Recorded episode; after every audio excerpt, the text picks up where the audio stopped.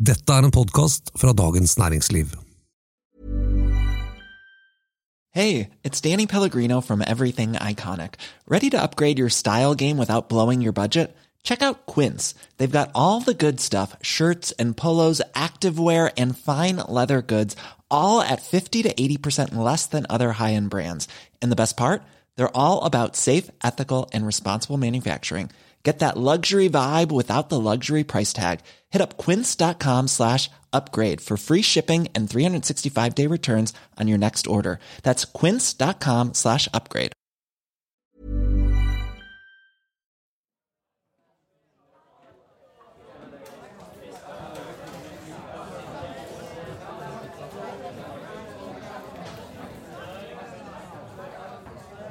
Velkommen til en ny eh, sending i DN-teltet i Arendal.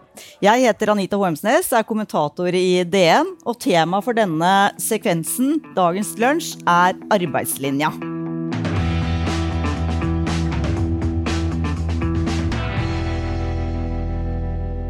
Her i Arendal er det jo ingen tvil om at eh, folk følger arbeidslinja, både sent og tidlig, kan man si. Eh, litt hvor produktive alle er, kan man kanskje diskutere, men majoriteten er i hvert fall innenfor arbeidslivet. Nav-direktør Hans Christian Holte, du er liksom sjefen for de folka som skal få de 600 000 utenfor arbeidslivet inn. Og på fredag så la du på en måte fram en sånn statusrapport for hvordan det har gått de siste åra. Den har jeg veldig lyst til å høre mer om. Det skal jeg si litt om. Og det som er bra å kunne si helt til starten, er at det er egentlig ganske godt nytt. Eh, fordi det er andre året på rad at vi ser at de såkalte utenforskapstallene går ned. Det er jo da sagt med andre ord, det er flere av de som har stått uh, utenfor arbeidslivet kanskje i mange år, som har kommet inn uh, i arbeidslivet. Så sånn røftlig så har vi da gått fra en situasjon for et par år siden hvor det var drøyt 700 000 som sto utenfor arbeidslivet. Av den gruppa som vi da måler, som er eh, i yrkesaktiv alder, dvs. Si mellom eh, 20 og 66. Vi ser at det Tallet har gått fra drøyt 700 000 til drøyt 650 000. Det er altså en nedgang på 50 000 personer. Det betyr at det er 50 000 personer i Norge som har fått eh, arbeid, som kanskje har fått eh, noe som de kjenner som meningsfullt i sitt liv, eh, og som bidrar til fellesskapet. Eh, og Sånn sett så er det ganske det er mye å glede seg over. Kjempegode tall. Og hvorfor har, de, hvorfor har, de, kommet utenfor igjen? Er det økonomiske konjunkturer, eller er det noen nye tiltak som dere liksom har funnet som bare funker? Hadde vært kult å kunne si at dette er Navs fortjeneste. Ja. eh, men det tror jeg er litt eh, drøyt eh, å påstå. Jeg, jeg, tror nok vi må se på konjunkturene, som du sier. Eh, og også se det i sammenheng med de som jeg virkelig vil gi kudos i denne sammenhengen, nemlig norske arbeidsgivere. Fordi det som har skjedd, er jo at det er et mye strammere arbeidsmarked i Norge nå enn det var for bare et par år siden veldig mange bransjer som vi vet, eh, trenger kompetanse, kapasitet, og, og, sliter med å få det. Det skyldes jo bl.a. at det er færre arbeidsinnvandrere. Mm. Det, det, har jo med de internasjonale konjunkturene å gjøre. At det er rett og slett bedre arbeidsmarked kanskje i eh, hjemlandet og mindre interessant ut fra økonomien å komme til Norge. Eh, og så ser vi at det som da har skjedd, er at norske arbeidsgivere for så vidt av egeninteresse, men det gjør ingenting, har strukket seg lengre for å inkludere folk i eh, norsk arbeidsliv. Og det betyr de som står litt lenger under arbeidslivet, de trenger typisk to typer tiltak. Eh, de trenger tilpasning hvis de har eh, helsemessige utfordringer av ulike slag. Eller de trenger kvalifisering, altså kanskje å få noe kompetansepåfyll, noe utdanning på arbeidsplassen. Og dette er jo ting som vi også forsøker å understøtte, jobbe mer med arbeidsgivere. Ja, for det er det jeg mener. Det har vært, dette har jo vært et problem over veldig mange år. Og det er jo liksom ikke tall på alle de rapporter og regjeringer som har forsøkt å sette i gang tiltak, som er liksom det som skal hjelpe inn. Og det er jo ikke bare ett tiltak, det er jo en helt rad. men jeg skal jo prate med forskere og de arbeidsgivere etterpå. Men hva er, hvis man kan si ett tiltak da, som er mer suksessfylt enn andre. Hva er det, ut fra den erfaringen dere har i Nav? Da vil jeg si at det er eh, et tiltak som dreier seg om å få folk inn på arbeidsplassen og gi dem kvalifisering på arbeidsplassen. Da vet vi hva arbeidsgiveren trenger. Da er det noe med å se ja, hva trenger du i denne jobben som du nå forsøker å komme inn i. Gi den kvalifiseringen f.eks. i samarbeid med fylkeskommunen, altså utdanningsmyndigheter. Nav kan støtte med mentorordninger, den type ting. Men altså de mange tiltakene som vi har rundt i Norge i dag, eh, i ulike fylker, som dreier seg om å jobbe på arbeidsplassen, som kanskje begynner med noen kurs, kan ende opp med et fagbrev, f.eks. Det har vi mange gode eksempler på. Vikersund er et eh, eksempel som traff meg skikkelig eh, for et år eller to siden. Hvor, eh, hvor, jeg dro og besøkte altså rundt hoppbakken der, hvordan de jobba med anleggsarbeid sånne unge gutter som var drittlei skolen, som hadde droppa ut, eh, og som kjørte rundt i sånne store dumper og sånn, og tok eh, lappen mens jeg var der. Slalåmrygga mellom lysmaster og holdt på. Jeg var ganske imponert. Men jeg var med opp i en av de dumperne og snakka med en kar som het eh, Ian, som, som da eh, Så spurte han ja, hvordan, hvordan var det å gå på skolen. Nei, det var et helvete. Det var liksom det han sa. Og, og nå, da? Hva tenker du nå? Nei, dette er faktisk et mirakel. Dette syns jeg er helt fantastisk. Det er utrolig bra, men føler ja. du at du har den verktøykassa du trenger for å få flere enn 50 000 inn i, inn i arbeidsmarkedet? Jeg mener at uh, verktøykassa har vi i stor grad, men så må vi hele tida leite etter nye måter å jobbe på. Uh, og, og, det som er litt paradoksalt, er jo at i tider som dette, hvor det er lav ledighet, så er kanskje ikke tiltaksbudsjettene til Nav ekstra store. Men det er en utrolig god anledning for inkludering. Så det er et godt vindu nå.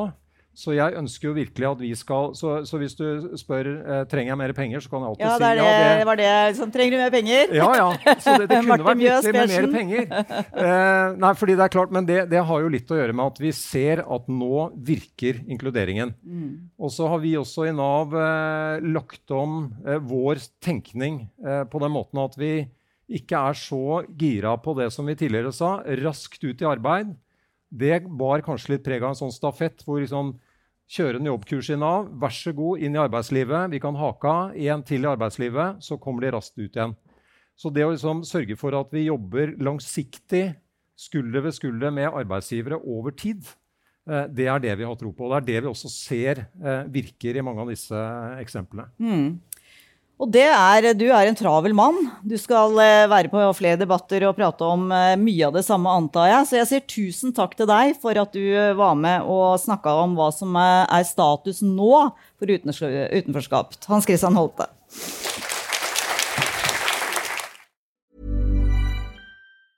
Many of us have those stubborn pounds that seem impossible to lose, no matter how good we eat or how hard we work out. My solution is PlushCare PlushCare is a leading telehealth provider with doctors who are there for you day and night to partner with you in your weight loss journey. They can prescribe FDA-approved weight loss medications like Wagovi and Zepbound for those who qualify.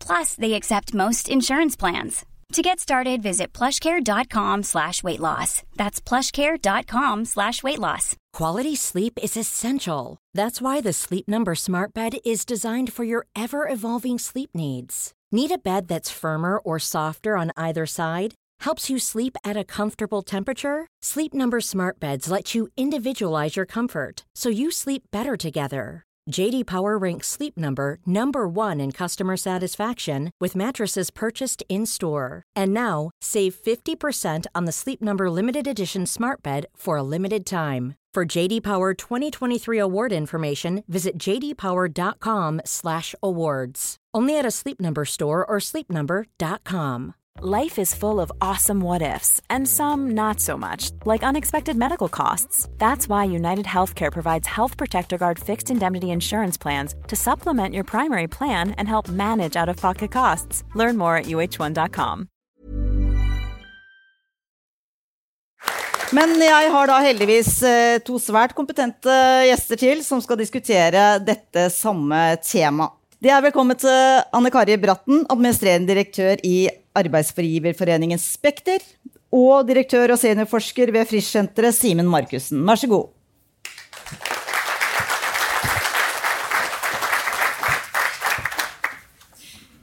Ja, etter å ha liksom vært en påle i den norske velferdsstaten, kan man si, eh, og arbeidslinja har jo liksom helt siden Gro Harlem Brundtland regjerte på 1990-tallet, vært liksom et begrep vi alle forholder oss til. Men i år liksom, har det vært ekstra mye angrep på denne arbeidslinja. Selvfølgelig da med inflasjon og renter osv. Og, så og helt overraskende for mange kom kanskje angrepet fra Arbeiderpartiet. Selveste de som da egentlig introduserte arbeidslinja for, uh, for, uh, for noen år siden. Men Simen, var det overraskende at det kom et sånt angrep? Nei, det vet jeg ikke. Altså, Arbeidslinja er jo, kan jo forstås på mange måter. Det er lett å tenke på det. Jeg tror mange tenker på det som, at, som politikken, eller tanken om at det alltid skal lønne seg å jobbe. Ikke sant? Og at og det at trygdeordningene, hvor sjenerøse de er, eh, utsettes for debatt, det er jo helt naturlig. Men det en ting jeg har lyst til å si om den, om den diskusjonen. For jeg syns den kritikken på en måte er litt rar eller litt misforstått. og Det kan kanskje høres litt flåsete ut, men sånn, argumentasjonen har vært at arbeidslinja, det at man har da, eh, si, lavere trygdeytelser enn man har lønn, det er en form for mistenkeliggjøring av de som står utenfor jobb. Men det er jo egentlig logisk sett helt feil. For det det er, er en mistenkeliggjøring av de som er i jobb. Hvorfor det? Jo, fordi at det, hvis, tanken er, tenk, tenk, deg at vi kan skille mellom de folka som Nå karikerer jeg veldig, men bare for å gjøre det enkelt. da. Sånn, så kan tenke at, at Verden består av to typer mennesker. De som vil, men ikke kan jobbe. Og så har vi de som kan, men ikke vil jobbe. Sånn? Hvorfor har vi insentiver? Jo, det er for å sørge for at de som kan, men ikke vil jobbe, likevel velger å jobbe. Sånn? Derfor har vi økonomiske insentiver. Men det betyr jo at de jobber. Så det er de som da står utenfor arbeidslivet, det er jo ikke de som kan, men ikke vil. Det er jo jobb.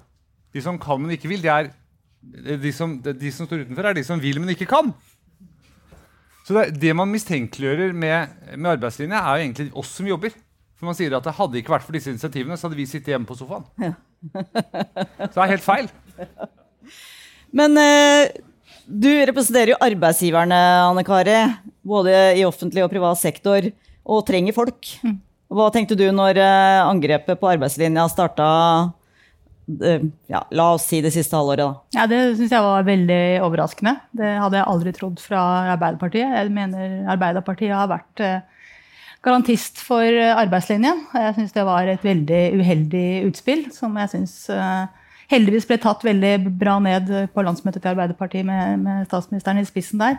Eh, altså Når det gjelder arbeidslinjen, så er jo eh, arbeidslinjen er jo først og fremst til for at vi skal ha det samfunnet vi har. Altså Arbeidslinjen, det at flest mulig jobber mest mulig så lenge de har helse til det, det er jo det som gjør at vi har verdens beste velferdsstat. Og det må jo være, det må være en viss kobling mellom det vi tar ut av velferdsstaten med nesten gratis utdanning og gratis helsevesen og flotte veier ned til eh, Arendal. Det må være en viss kobling mellom det og det vi leverer inn. Og det vi har bestemt oss for i Norge, er at vi skal betale skatt, og så skal vi levere arbeidsinnsats, og så skal vi få de universelle velferdsgodene. Så jeg synes eh, debatten Altså, man kan gjerne ta en diskusjon som Simen sier, man kan gjerne ta en diskusjon om nivået på trygdeytelsene i dyrtid og sånn.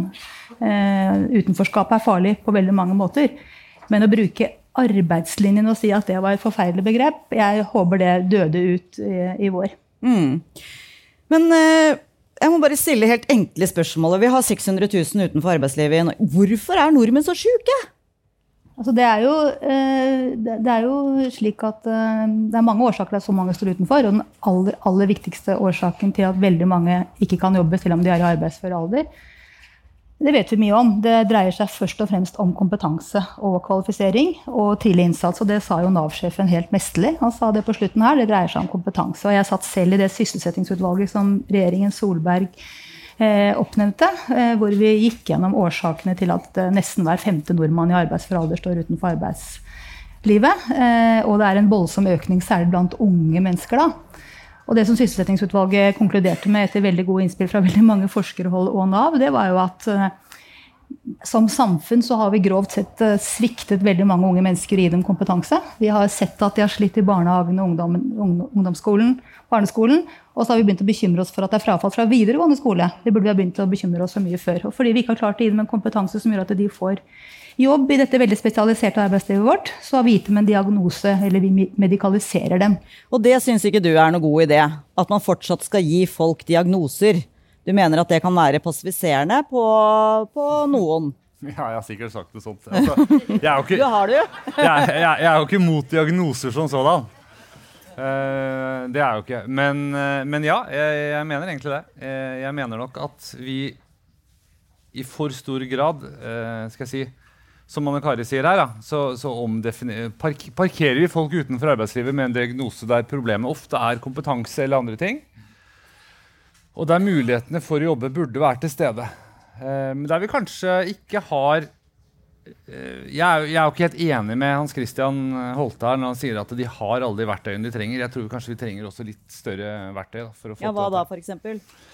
Nei, I veldig stor grad så kan si at Inkluderingspolitikk i Norge den har eh, dreid seg om to ting. Vi har liksom denne arbeidslinja litt snev forstand vi skal ha insentiver til arbeid. Er, sånn er det for nesten alle. Det lønner seg nesten alltid å jobbe. for nesten alle. Du kan finne noen teoretiske unntak, men det er ganske små.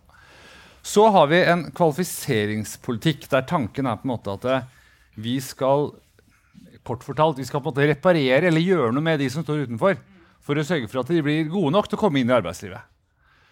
Og det er ikke jeg det er tilhenger av. Altså. Det tror jeg er bra. Eh, men jeg mener at det er ikke nok.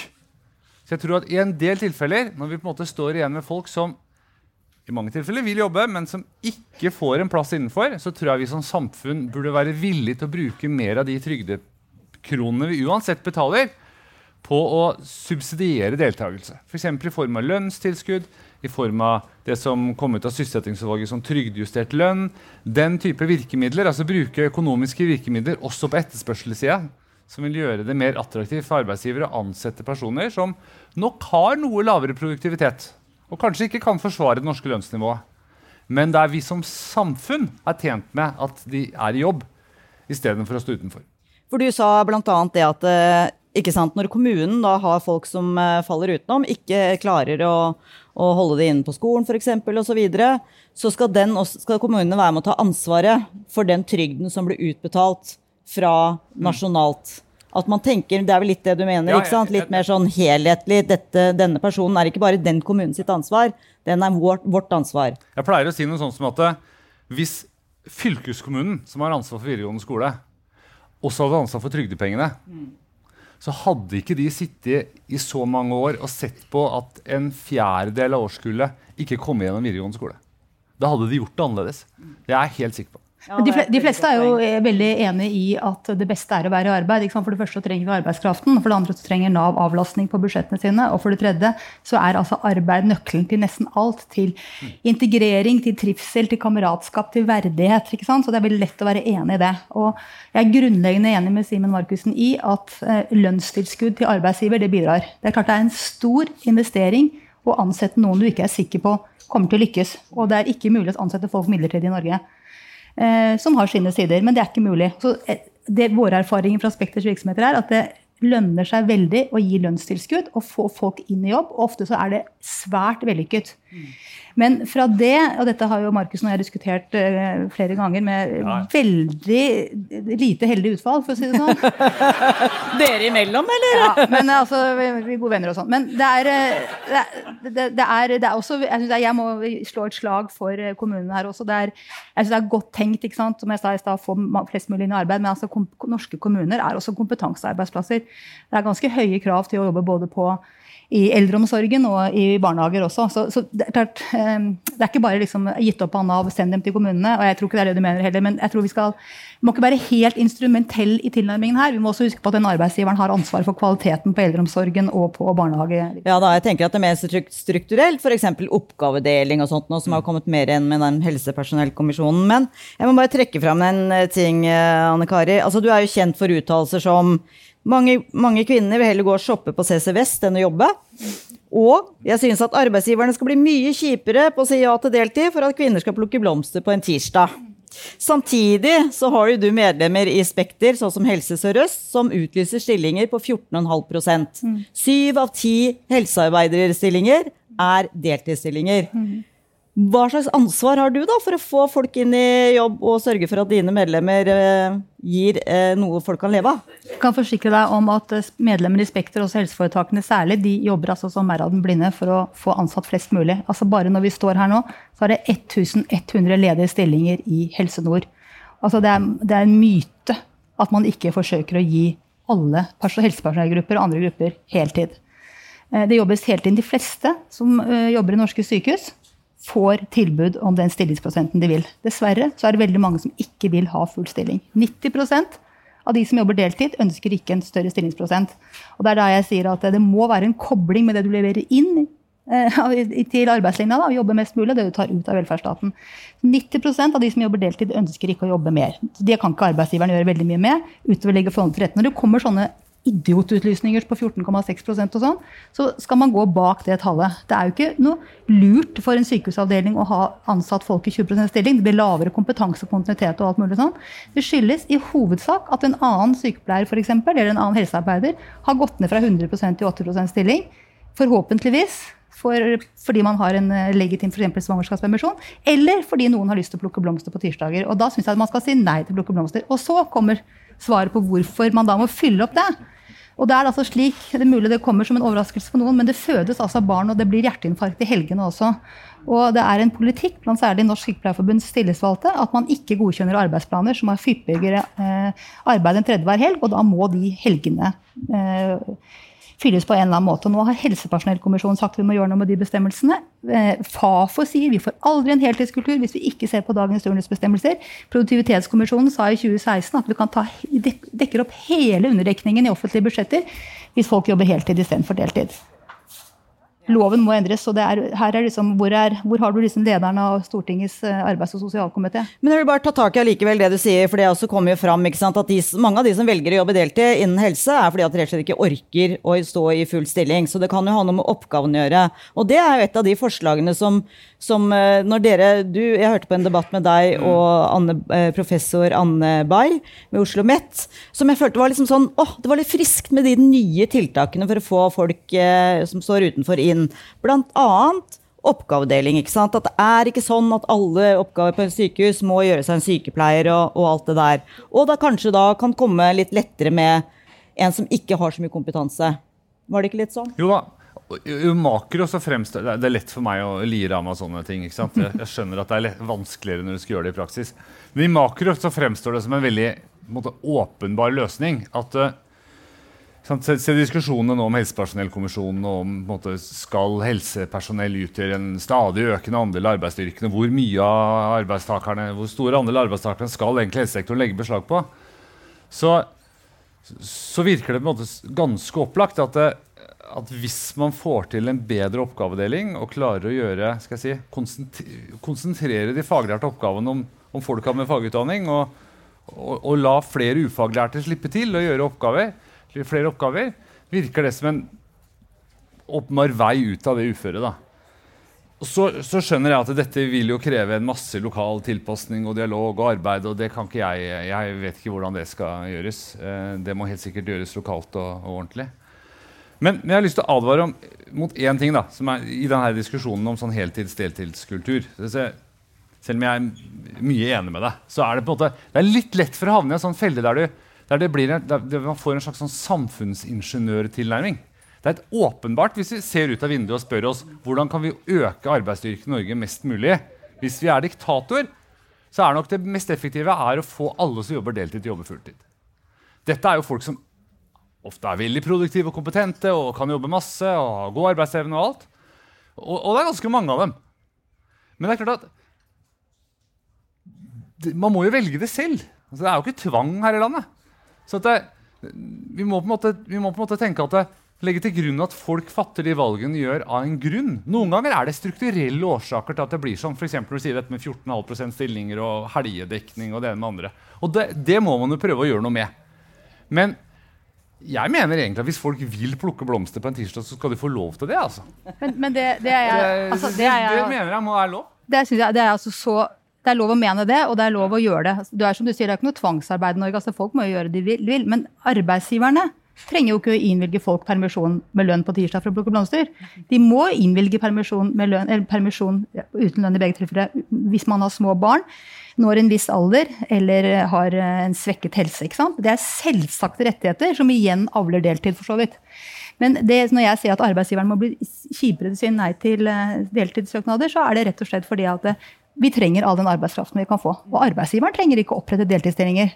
Det kan man jo liksom ikke tenke om noen. Så det, man kan ikke forvente som en innbygger i Norge at eh, jeg har rett til deltid hvis jeg ikke har en legitim grunn. Men så er det også veldig pussig, da, Simen, at det, det er jo litt pussig at det er nesten 40% av damene som jobber deltid i Norge, og 13% av mennene. Så det er noen likestillingsgreier oppi dette her også. Så det er jo ikke det er jo ikke helt uproblematisk. og Om det er strukturelt eller ikke, det er i hvert fall et holdningsspørsmål. Nei, jeg, jeg, mener ikke at det er uproblematisk. og, og hvis vi, altså, det, I den grad man kan for spore det tilbake til familiepolitikken til, til, Og det kan man ofte. Ja, så, så mener jeg det er verdt, vel verdt å gjøre noe med. Og jeg, er veldig, jeg er veldig tilhenger av det, det, er, det er fremdeles menn som kaller sin kone for bakkemannskap, ikke sant? Absolutt. Absolutt. Men det er, det er ja. Det kan ikke arbeidsgiveren gjøre så mye med. Jeg gjør det òg, jeg, altså. jeg sier at man ikke skal Jeg er enig i det, men jeg, jeg, tror i utgangspunktet så tror jeg på en måte potensialet for å mobilisere arbeidskraft ligger blant de stedene der man kan enten fjerne noen hindre eller stengsler, eller eh, andre barrierer som gjør at folk som vil jobbe mer, ikke gjør det.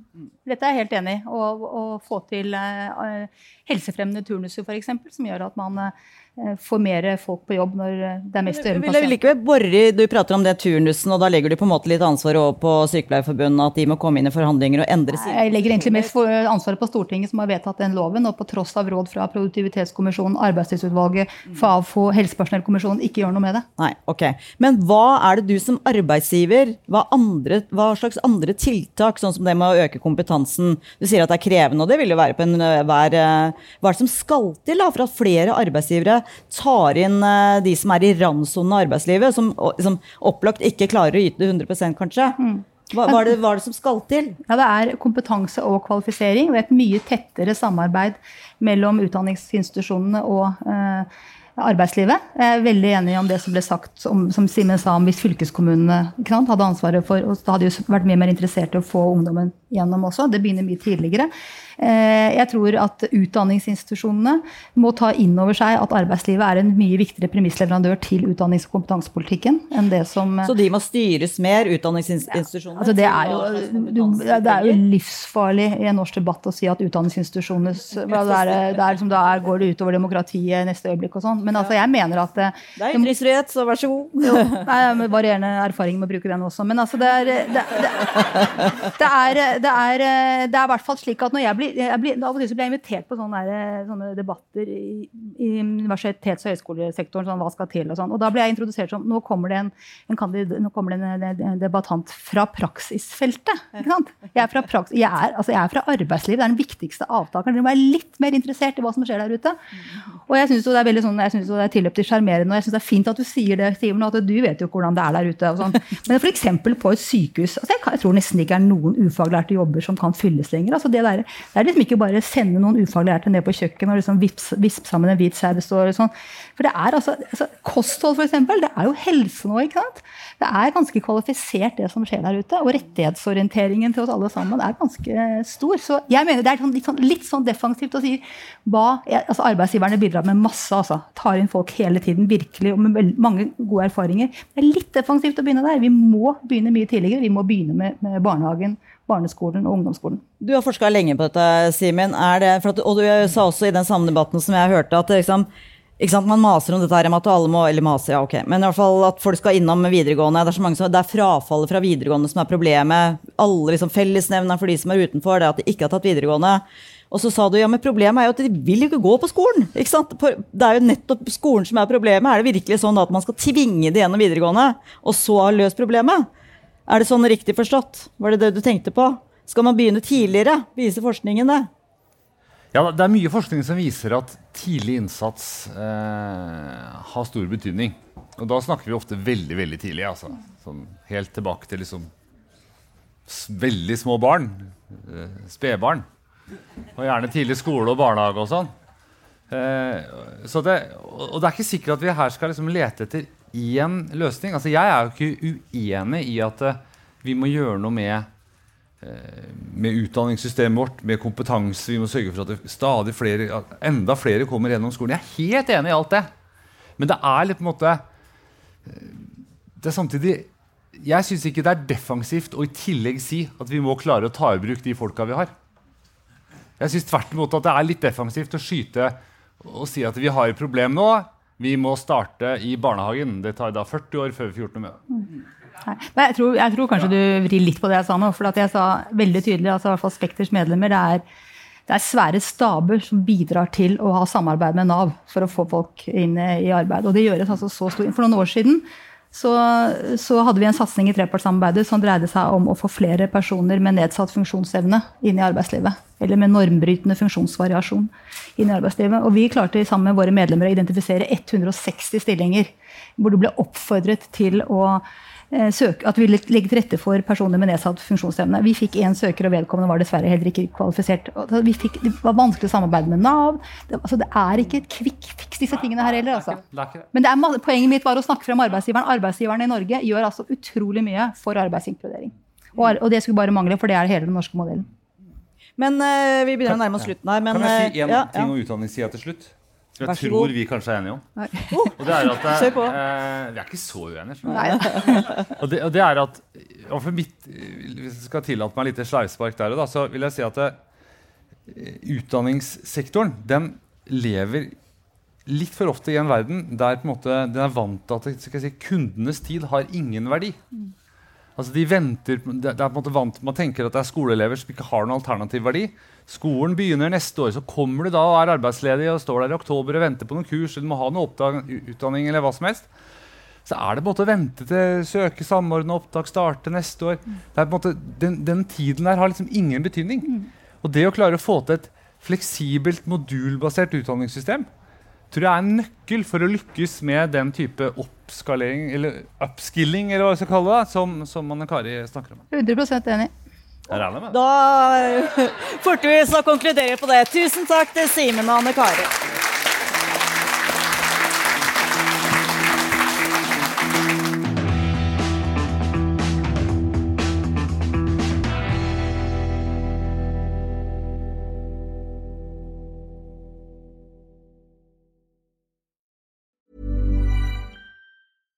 Even when we're on a budget, we still deserve nice things.